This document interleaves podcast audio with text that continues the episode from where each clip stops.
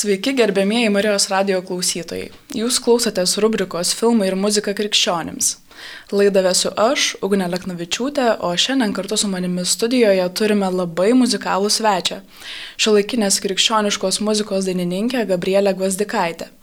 Ji keliauja po Lietuvą bei lietuvių bendruomenės užsienyje, skelbdama Evangelijos žinę per muziką ir šiuo metu yra išleidusi penkis studijinius albumus. Tai labas Gabrielė. Labas, Ugne.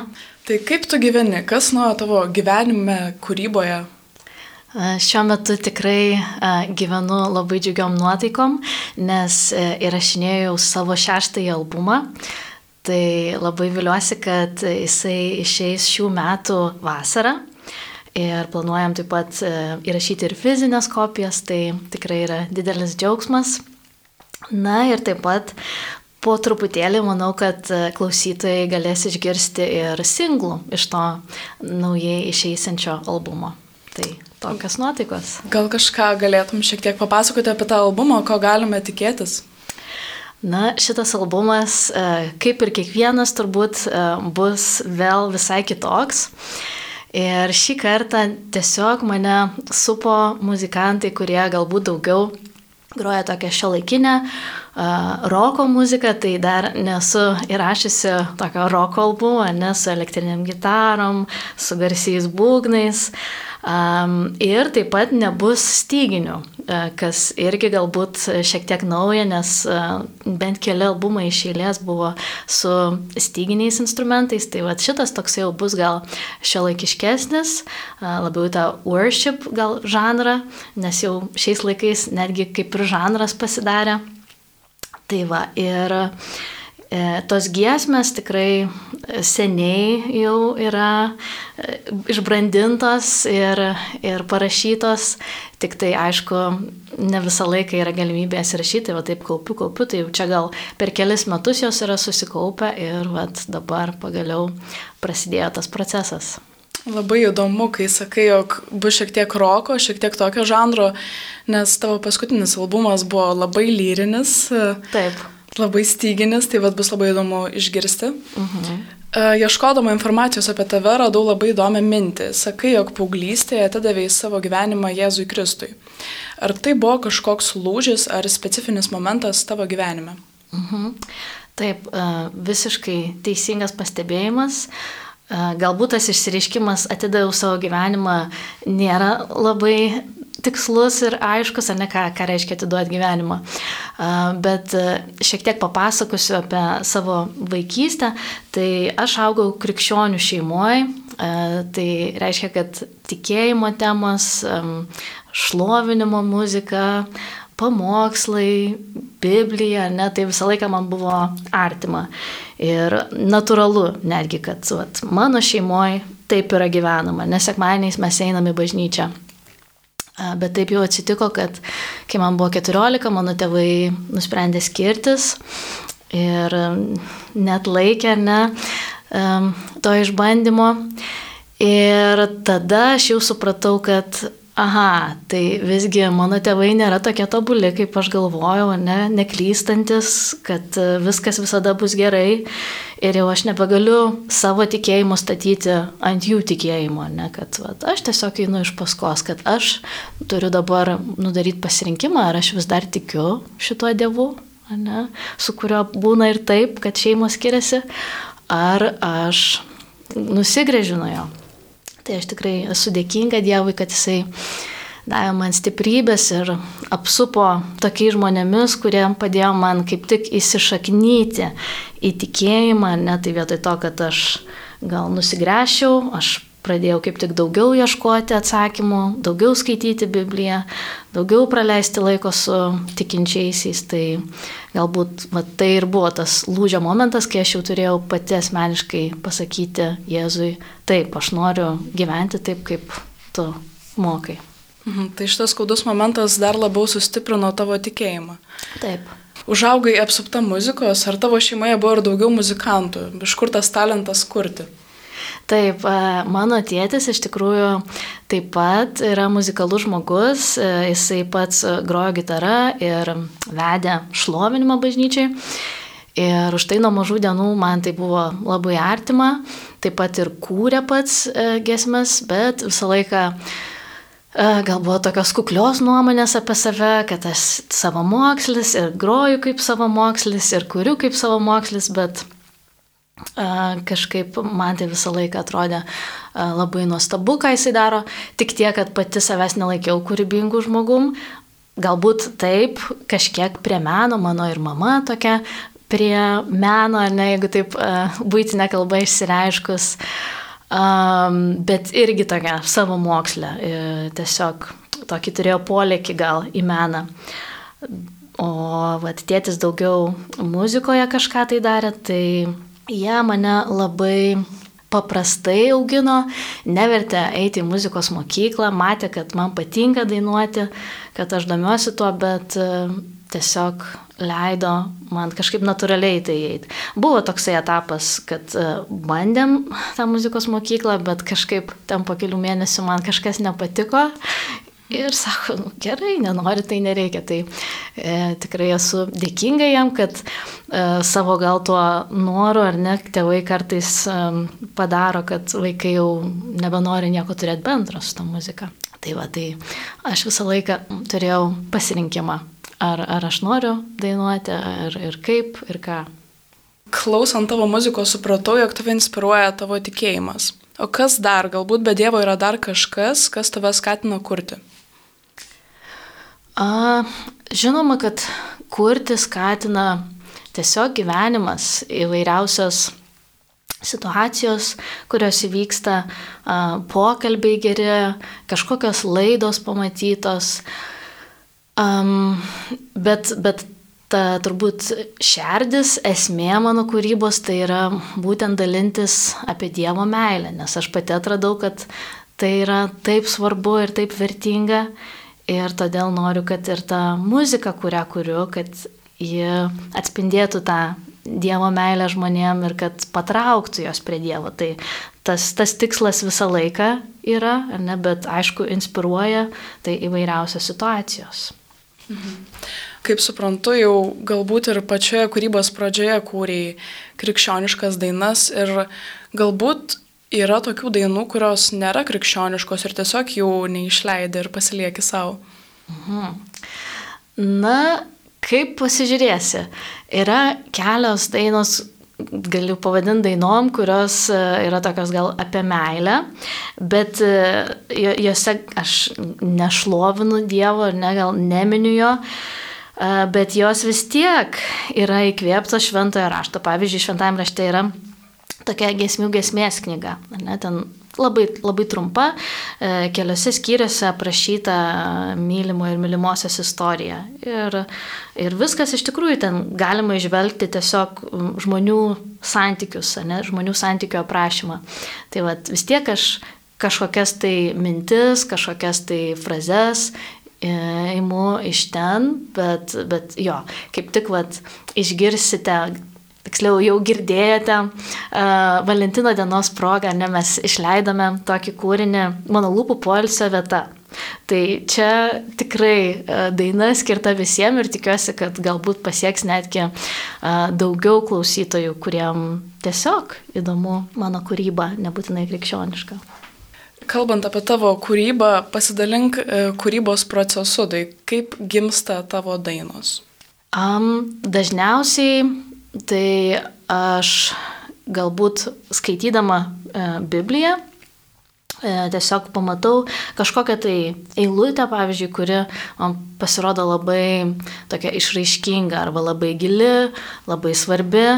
Ir suprantu, kad vat, norėčiau tai kažkaip tai e, įvilgti į muziką, Nes pati esu daug kartų patyrus, kaip gerai, vat, kažkokia sudėtinga situacija ir tu nežinai, ką daryti, bet e, man suskamba, ne, vat, kažkieno kito galbūt jau sukurta gesmė ir ten vat, yra koks nors padrasinimas, ar ne iš Dievo žodžio.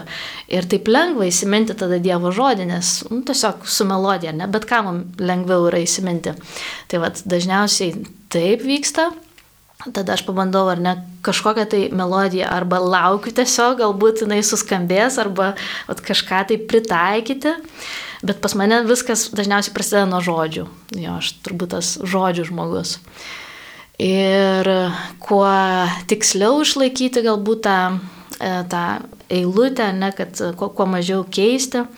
Tai va toks vienas būdas. O šiaip tai kartais būna tiesiog einu gatvę ir irgi, ne, kažkas tai suskamba, at, kažkas tai iškyla, kažkokia mintis. Tai stengiuosi ją įsirašyti diktofoną ir taip esu prikaupusi nemažai tokių a, kūrybos trupinėlių ir karts nuo karto suprantu, kad jau metas prisėsti, a, daryti tokią kaip atranką Ir tenka jo visko klausytis ir žiūrėti, nu, ar čia vertinga, ar čia įdomu. Ir kartais būna, kad vieną sujungiu su kitu ir prašau jau nauja esmė. Mhm. Ar tavo muzika yra skirta tik krikščionėms? Ar stengiasi kurti tik tikintiems, ar tavo muzikoje kažką artimo galėtų surasti ir netikinti žmogus? Na, iš tikrųjų, norėčiau, kad netikinti žmogus išgirstų tas gesmes, nes mm, tai būtų didžiulė nauda, didžiulė pagalba, tikiu. Bet tiesa turbūt yra tokia, kad e, tikinčiam bus visą laiką lengviau, nes ne, jisai, ar, ar jie, žmonės tikintis, jie yra susipažinę su, su šventuoju raštu, ne, ir jie vat, išgirs kažkokius tai žodžius ir iš karto supras, e, iš kur čia koks kontekstas, kodėl apie tai verta dainuoti. Netikinčiam žmogui, ne kartais išgirdęs m, ten nuodėmė ar, ar kryžius, galvos, kam, kodėl tu apie tai dainuoji. Tai aš suprantu, kad tas mano kontekstas, kurį aš naudoju, apriboja e, klausytojus, kuriuos aš galiu pasiekti tą, tą ratą klausytojų. Bet suprantu taip pat, kad labai svarbu stiprinti ir tos krikščionis, kurių nėra tiek daug iš tikrųjų Lietuvoje, net tų, kurie tikrai mm, nori gyventi tą, tą, tą gyvenimą, kaip, kaip Dievo žodis moko bet, bet labai tikiuosi, kad kai kurios giesmės galėtų paliesti ir netikinčių žmonės. Tai tą progą kviečiu pasiklausyti Gabrielės kūrybos. Eterija iš naujojo albumo Aš tikiu daina aukštumų ir slėnių dievas.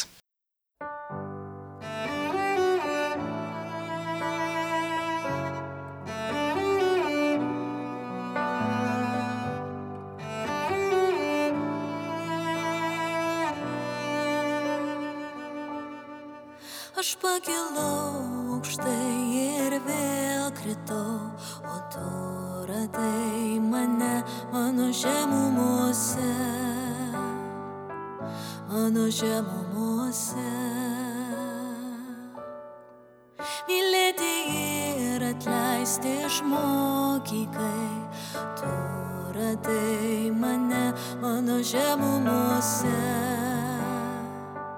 mano žemumuose namuose. Viešpats aukštumų ir slėnių dievas, jis man tiesia savo ranką ir traukia iš duobės dabar ir visada. Viešpats aukštumų ir slėnių dievas jis neleidžia man suklūpti ir veda mus iš pergalės į pergalę. Kovoju viešpaties kovą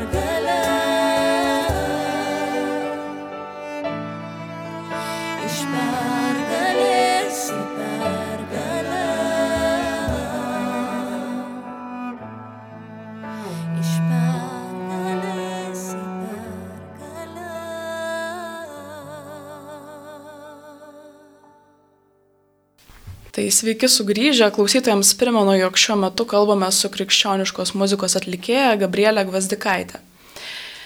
Tavo kuriama muzika yra ne tik tam tikra meno išraiška, tai yra ir savotiška malda, ar teisingai suprantu? Taip, manau, kad e, labai taikliai pastebėta. E, Kai kurios giesmės tikrai gimsta tiesiog maldos metu iš to mano pokalbio su Dievu. Ir kartais suprantu, kad tai skirta ne tik tai man, bet tai gali paliesti ir daugelio žmonių širdis. Ne, ir, ir jie galės susitapatinti su ta malda. Tai manau, kad taip. Būna atlikėjai, kurie ištisus metus ir vis tiek netranda savito stiliaus, kurį ne tik patiktų kurti, bet ir atlikti. Ar tiek laiko, kurdama muziką, jau atradai save? E, Vis svarstau, tai, tai kokia yra ta mano muzika ir galbūt sudėtinga būtų įvardinti kažkokią tai žanro rėmose. Turbūt, kad paprastai kalbant, tai dažniausiai yra kažkoks tai pop e, žanras. A, Bet taip pat man labai patinka, jau esu minėjus, man atrodo, ne vienoj laidoj, kiek esu kalbinta folk ir country stilius.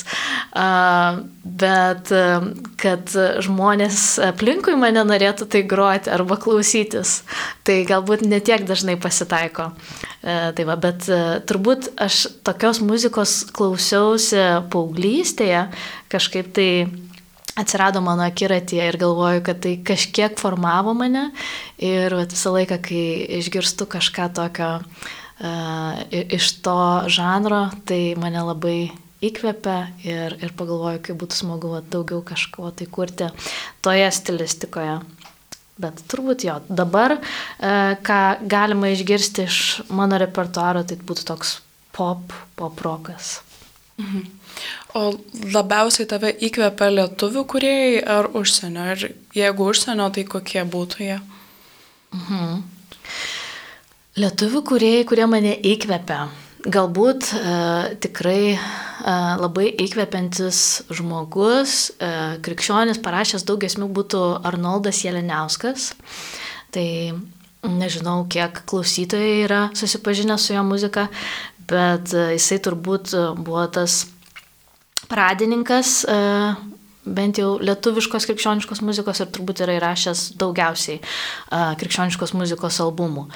Um, tai iš tikrųjų paklausius jo e, ir pamačius tą jo užsispyrimą, na, tokį sveiką ir ėjimą į priekį, nesvarbu ar ne, kokia yra ta paklausa, bet jisai vis tiek sukūrė naujų gesmių ir jas įrašo. Tai turbūt vat, tos, tos drąsos ir tokio sveiko užsispyrimo iš jo galiu pasimokyti. Na ir užsienio atlikėjai, tai taip pat įkvėpia mane. Galbūt toksai mėgiamiausias kurio klausau dažniausiai yra John Thurlow. Irgi klausytojams turbūt nebus girdėtas. Tai, tai yra tiesiog vienos Amerikos bažnyčios šlovintojas, kuris irgi daug, daug kuria tokios muzikos ant pianino. Ir, ir labai suprantama kalba perteikia tą savo santykių su Dievu ir naudoja gal tokias nekasdieniškas ne arba nebažnytinės frazes, nebūtinai, nebūtinai ir ne vien tik tai tas, kurias mes įpratę girdėti.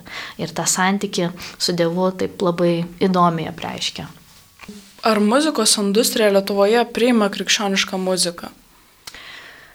Na, Geras klausimas. Jeigu kalbėti apie e, konkursus, e, sakykime, kurios organizuoja e, Latga arba Agata tam, kad gauti finansavimą ir išleisti albumą, tai kiek mes esame bandę praeiti tokių konkursų, tai gaudavom neigiamą atsakymą. Ir na, mano spėjimas būtų, kad taip, kai tu varžaisi, sakykime, su tokiais atlikėjais, kurie yra jau žinomi Lietuvoje ir visi jie kuria kažkokią tai visiems priimtiną kabutėse muziką, tai labai mažas, labai nedidelis šansas kažkam naujam ir kažkam kuriančiam tokią nišinę muziką kažkaip tai uh, būti pastebėtam. Tai tuose aprašuose mes tikrai negalim išvengti kažkokio tai paminėjimo, kad uh, tai yra visgi kažkas tai susijusio su krikščionybė Ir manau, kad dar nėra žmonės iki galo pasirengę taip jau ir priimti mus išskestom rankom. Nors, vat, mano e, kolega ir, ir daug man padėjęs muzikoje Tadas Daujotas, e, jisai e, galbūt pasirinkęs šiek tiek e, e kitą kryptį, jisai daugiau e, kūrė muziką, kuri, pavyzdžiui, būtų apie žydų tautą. Tai jo projektas e, Simfonija Šiaurės Jeruzalės e, ir skambėjusi čia Vilniuje yra nemažai koncertų jau įvykę. E, tai va ta simfonija tikrai žinau, kad gavo finansavimą ir Ir iš tos perspektyvos, ar ne, jau kai tu parodai, kad tai vat, susijęs su žydų tauta, tai tada taip, jau a, žmonės yra tikrai labiau linkę priimti. Įdomu, nes uh, tikriausiai jūsų nepriima gal dėl to, kad tas krikščioniškas žanras, krikščioniškos muzikos iš tikrųjų gal ir nėra labai populiarus Lietuvoje dar kol kas. Tai kaip ir nesinori tikriausiai finansuoti to, kas nėra populiaru ir čia kaip ir visai liūdna, nes kaip tada išpopuliarėtum tokiam, va, pavyzdžiui, žanrui. Mhm. Tai tavo naujausiame 2022 metais išleistame albume išriškėjo tavo lyrinė pusė. Papasakok šiek tiek plačiau, kodėl albumas kitoks nei kiti ir koks buvo visas kūrybinis procesas. Čia uh, mes kalbam apie albumą Aš tikiu. Taip. Taip. Mhm. Reikia dar metuose susigaudyti. 22, dabar yra 24. Taip. Um, tas albumas uh, buvo tokio viso sezono, gal mano gyvenimo epizodo apvainikavimas. Tai uh, visas tas gesmes, kurios ten skamba, Dievas davė man sukurti per tikrai gan trumpą laiko tarpą, galbūt kelių mėnesių bėgėje. Ir aš tokiu būdu bandžiau iš tikrųjų išgyti iš tokios nelaimingos meilės, galima sakyti ir ieškojau pagalbos pas Dievą, nes daugiau nebuvo pas ką man eiti. Tai vat, visas tas mano kažkoks um, nerimas, liudesys ar kažkokie klausimai, kai tai, ko aš tikėjausi, neišsipildė, tai vat, visa tai atsidūrė e, gesmių žodžiuose ir pabandžiau, aišku, ieškoti atsakymų Biblijoje. Tai vat, jeigu kažkur tai rasdavau atsakymą, kodėl, ar ne, aš kažkaip jaučiuosi ir ką apie tai sako Dievas, tai pabandydavau tai visą sudėti. Ir, ir taip pat ir gimė tos giesmės. Ir labai norėjau jas įrašyti, mm, kuo, kuo, kuo greičiau, tuo metu atsimenu ir tiesiog pakalbinau kelias draugės, jos sako, gerai, darom. Tai buvo irgi, kad mes tiesiog mm, gal ten mėnesį ar kelis užtrukom, kol uh, surepetavom, uh, susigrojom, taip sakant, ir jau važiavom į studiją. Tai va, tikslas buvo tiesiog gal e, užfiksuoti taip, kaip dabar yra, neieškant e, labai kažkokių e, aranžuočių, kažkokių tai sprendimų aranžuotėms. Tai va, tai e, galbūt šiandieninės perspektyvos galvoju, kad e, galėjom ir daugiau pasistengti, galbūt galėjo būti ir geriau, bet matau, kad e, klausytojams e, kaip tik visai gal ir smagu, ne tas minimalistinis sąstatas ir, ir tai galbūt taip neapsunkina, ne, ir, ir tos giesmės netgi, kaip matau, yra visai populiarios. Tai iš tikrųjų labai džiaugiuosi, kad, kad tokiu būdu aš tarsi galėjau ir užfiksuoti vat, tą savo gyvenimo epizodą. Mhm. Ar po šio albumo kitose projektuose irgi planuoji įdėti daugiau savęs? O taip, nu, visi projektai turi daug manęs, daug mano e, minčių e, ir, ir vien tai, kad tos giesmės e, mano sukurtos, tai tai žinoma, kad padaro, kad e, tai yra kaip mano pratesimas, kažkoks atspindys mano gyvenimo, bet e, žinoma, norisi ir įtraukti ir kitų žmonių, tai stengiuosi dabar priimti ir kai repetuojam jau naujam albumui, jeigu kažkokie muzikantai kiti turi kažkokių idėjų, tai žinoma visą laiką išklausom ir tikrai stengiamės uh, padaryti taip, kad patiktų visiems. Jo, labai noriu, kad patiktų ir tiem, kurie groja albume. Mhm. O kuri tau, tavo daina ar albumas pačiai labiausiai patinka ir kodėl? Na, turbūt sudėtinga būtų įvardinti tą vieną, bet e, labai mane pradžiuginęs ir, ir nustebinęs albumas tai buvo e, Meilė niekad nesibaigia. Tai buvo ketvirtasis mano albumas. Ne, atsiprašau, ar teisingai dabar sakau. Jau pati pasimečiau. Tikriausiai ketvirtas. Na, nesvarbu. Taip, tai meilė niekada nesibaigia. Šitas albumas irgi buvo planuotas vienaip, o gavosi visai kitaip. Ir dėkoju Dievui, kad gavosi taip, kaip gavosi, nes mes pradėjom repetuoti su vienais muzikantais, lietuviais. Tada e, tas mano kolega, produceris Tadas Daujotas pasiūlė, gal norėtum dar įtraukti vieną žmogų, kaip tik jisai tą vasarą e, atvyko iš Amerikos ir tiesiog e, turėjo progą padalyvauti įvairiose e, stovyklose, konferencijose krikščioniškose, pats buvo muzikalus žmogus, aš jau jį pažinojau šiek tiek, žinojau, kad e, groja įvairiausiais instrumentais, nors sakau, tai puiku, gerai, tegul prisijungia, tai vad naujas žmogus atsirado netikėtai. Ir taip pat buvo, aišku, mintis, jau šiek tiek pažinojau tokį e, Domą Žeromską, nuostabų pianistą, kurėją, kuris studijuoja Berklio muzikos koledže. Ir galvoju, kaip būtų nuostabu, jeigu jisai galėtų e, groti šiame albume, bet e, kai jo paklausėm, sako, ne, neįmanoma, aš lieku, nors buvo vasara, bet aš net negaliu išvažiuoti. Na ir taip mes ir palaidojom tą svajonę, bet e, tuo metu kaip tik buvo pandemijos laikotarpis ir gavosi, kad jį tiesiog e, išvarė. Sako, čia negalėsi karantinuotis, važiuok į Lietuvą. Nu va. Ir tokiu būdu e, atsitiko taip, kad e, ir jisai prisijungė prie to albumo. Tai buvo tiesiog kažkoks stebuklas.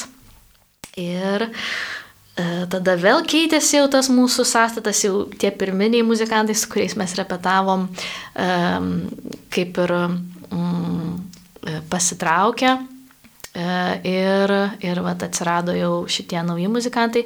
Tai vėlgi buvo toks gan trumpas laikotarpis, kada mes intensyviai repetavom ir viską įrašėm.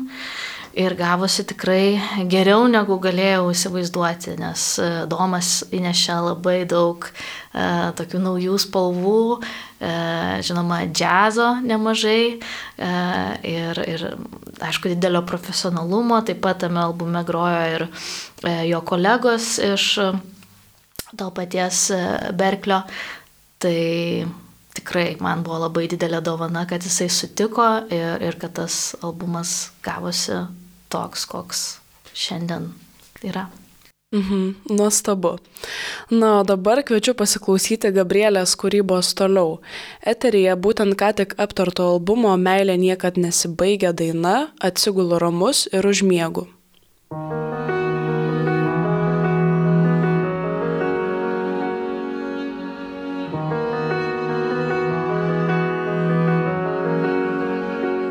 Atsigulu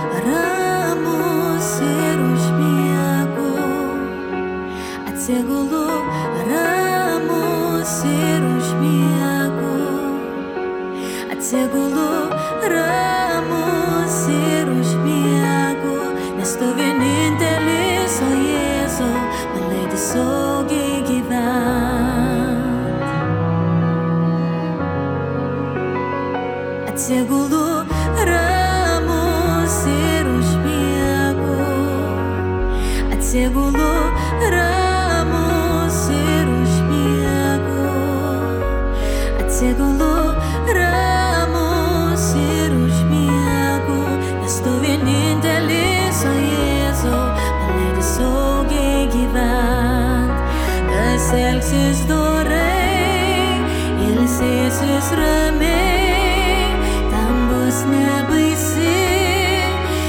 juodžiausia naktis, jo veido šviesa apšviečia mane, todėl nebaisi, juodžiausia naktis.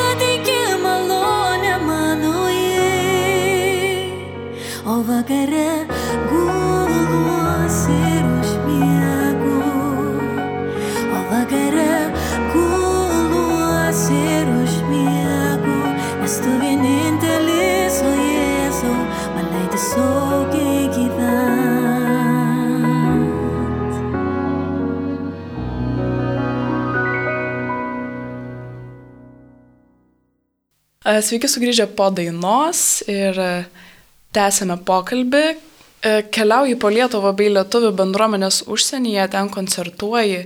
Ar galėtum plačiau papasakoti apie tai? Kokia patirtis iš to? Na, patirtis a, tikrai labai gera, nes keliaudama su savo gesmėmis aš susipažinau su labai daug a, įvairių bendruomenių. A, Ir tai man tikrai atvėrė akis, pamačiau, kad tas Kristaus kūnas, ne, tai yra jo bažnyčia yra labai labai platus, tai nėra vien tik tai mano bažnyčia, į kurią aš einu. Tai dėl to labai džiaugiausi ir žinoma visos tos naujos pažintis, naujos draugystės. Ir tai e, yra būdas, kaip mes platinam tą muziką. Dėl to, kad e, būtent po koncertų žmonės dažniausiai yra linkę ir įsigyti albumą, e, mes iš tikrųjų juos dovanojam tarsi, e, bet žmonės gali prisidėti auka, jeigu nori. Tai tokiu būdu mes e, kaupiam tos finansus, kad galėtume kažkokį naują projektą finansuoti. Tai iki šiol, vat, kiek jau albumų yra išleista, šitas metodas veikia. Ir kartais e, išvažiuojame ir į užsienį, tų kelionių nėra gal tiek daug buvę, bet esam lankėsi Anglijoje, keliose miestuose. Tai visą laiką mus pakviečia ten esančios lietuvių bendruomenės ir visą laiką būna labai džiugu susitikti su e, broliais ir sesėm lietuviais, kurie išbadėję yra to bendravimo ir, ir tikrai labai pradžiuginam vieni kitus. Tai tikiuosi, kad tie uh, koncertai, ar ne, kad e, dar, dar vyks ir kad sulauksim pakvietimų galbūt ir iš kitose šalise esančių tikinčiųjų. Kalbant apie koncertus, mačiau, jog šių metų vasarą ruoši malonų surprizą savo klausytojams. Tai gražiausių giesmių koncertų su orkestru ir Berklio muzikos koledžą baigusiu pianistu Domu Žeromsku, kaip ir minėjai. Papasakok daugiau apie tai, ko klausytojai gali tikėtis. Na taip, aš pati labai laukiu ir nekantrauju išgirsti, kaip viskas e, suskambės. Ir šita idėja tokio koncerto e, būtent ir gimė e, mano kolegai, produceriui Tadui, Tadui Daujotui. Ir iš pradžių aš galvojau, kad, na, tu turbūt jokauji, tikrai toksai orkestras nesutiks groti štai tokių mano dainų. Bet jisai, žinoma, kaip visada turi didesnį tikėjimą negu aš. Ir sako, pabandykim. Na ir susisiekė su Švento Kristoforo orkestru e, ir taip supratau, kad jam ta muzika priimtina ir jie sutiko groti. Tai buvo toksai pirmas dėlis žingsnis. Ir taip pat susisiekė po to ir su Domu, jisai sutiko dalyvauti, tai irgi labai mm, didelis džiaugsmas, nes uh, manau, kad uh, tos uh, giesmės, prie kurių Domas dar nebuvo prisilietęs, nes mm, giesmės imsim iš įvairiausių albumų, jos galės suskambėti vėlgi visai kitaip jo rankose ne, ir su, su jo patirtimi. Tai va, tai šie koncertai turėtų įvykti rūpjūčio mėnesį 2024 metų ir apie datas, manau, dar tikrai pasidalinsime mano puslapyje ir kai tas laikas artės, tai klausytojai tikrai atras tą informaciją. Šiandien laidoje dalyvavo krikščioniškos muzikos atlikėja Gabrielė Gvazdikaitė. Labai ačiū tau už pokalbį, o visus klausytojus noriu paraginti stebėti naujienas ir vasarą būtinai apsilankyti Gabrielės koncertuose. Labai ačiū viso.